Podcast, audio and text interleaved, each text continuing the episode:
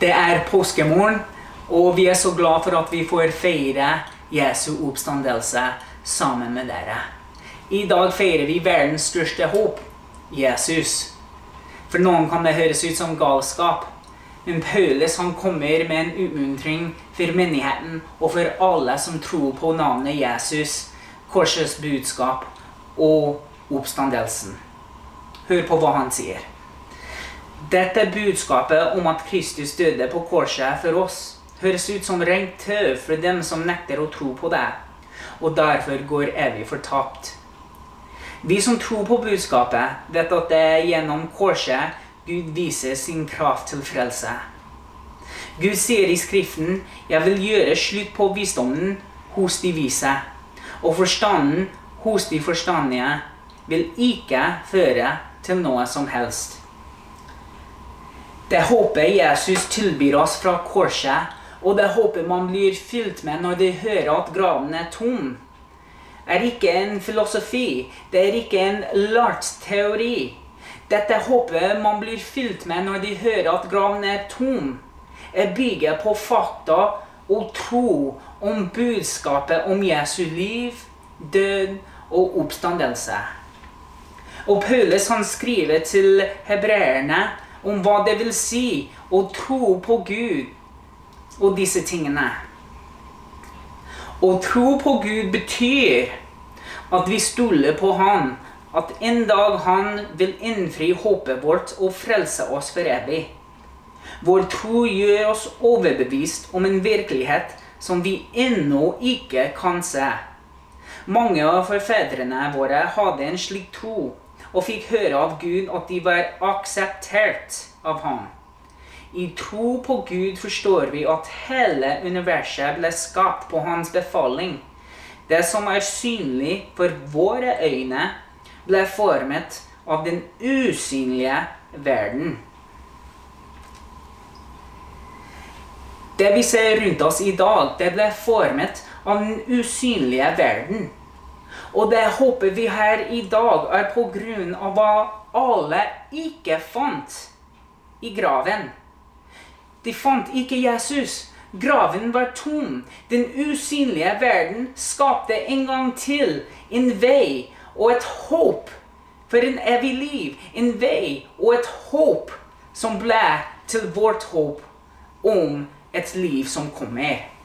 Og oppstandelsen det gir bevis på at Gud får det siste året over døden.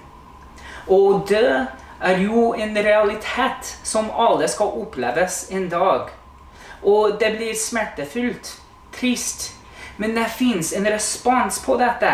Og for mange er responsen som fins, at døden bør ikke være slutten av historien til noen om den døde tror på og har tatt imot Jesus. Og Vi skal lese om en kort samtale som Jesus hadde med en av sine nærmeste venner, som heter Martha. Og de hadde den samtalen når Martha sin bror Lasarus døde. Og Jesus, når han snakker med henne, så gir han henne et innblikk til oppstandelsen og et håp om et liv som kommer. Hør på hva han sier til henne. Vær ikke redd. Jeg er den første og den siste, og den som gir liv. Jeg var død, men jeg lever i all evighet. Og jeg har nøklene som gir meg makt til å åpne de dødes verden og gjøre de døde levende igjen. Fordi Jesus vant seieren over døden, så er vi fri til å leve et liv i frihet med tanken og holdningen at uansett hva skjer, hva vi opplever her på denne jorda, vil vi leve i Guds nærvær og i fellesskap med hans familie for all evighet når vi tror på Jesus, når vi tror på den oppstandelsen. Så i dag vil jeg at dere skal la sannheten at Jesus vant seieren over døden, synke inn i deres hjerte. Og mens du nyter av livet her på jorda, så kan du også begynne å fikse blikket ditt på fremtiden av det som er usynlige nå. En evighet med Gud som var gjort mulig ved Jesu død på korset, hans oppstandelse og en ånd som er hellig og binder oss til ham. Døden har virkelig ingen brod. I dag feirer vi Jesus seire over døden. Vi blir fylt med takknemlighet. Vi vokser i overbevisningen om at alle på jorda trenger det håpet vi har i Jesu oppstandelse. Gud vil at vi skal tilbringe evigheten sammen med Han. Dette er hva oppstandelsen betyr. At ikke en av oss skulle tilbringe evigheten borte fra Gud. Og det fins ingen bedre måte å uttrykke din takknemlighet for hva Han har gjort for deg, enn å fortelle verden om hans kjærlighet for dem. Og dette er hvordan vi gjør det meste ut av dette livet. Så gå ut, lev et liv som forteller andre gjennom dine ord og dine gjerninger at Jesus lever. La oss be. Gud, vi vil takke deg for Jesu oppstandelse. Din kraft og makt som overvant døden og førte til en tom grav og et håp for alle som vil tro på navnet Jesus.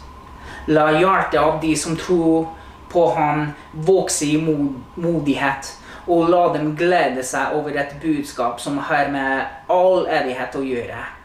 La oss bli fylt av din fullkomne kjærlighet som driver frykten ut, og la oss bli fylt med kraften som overvant døden.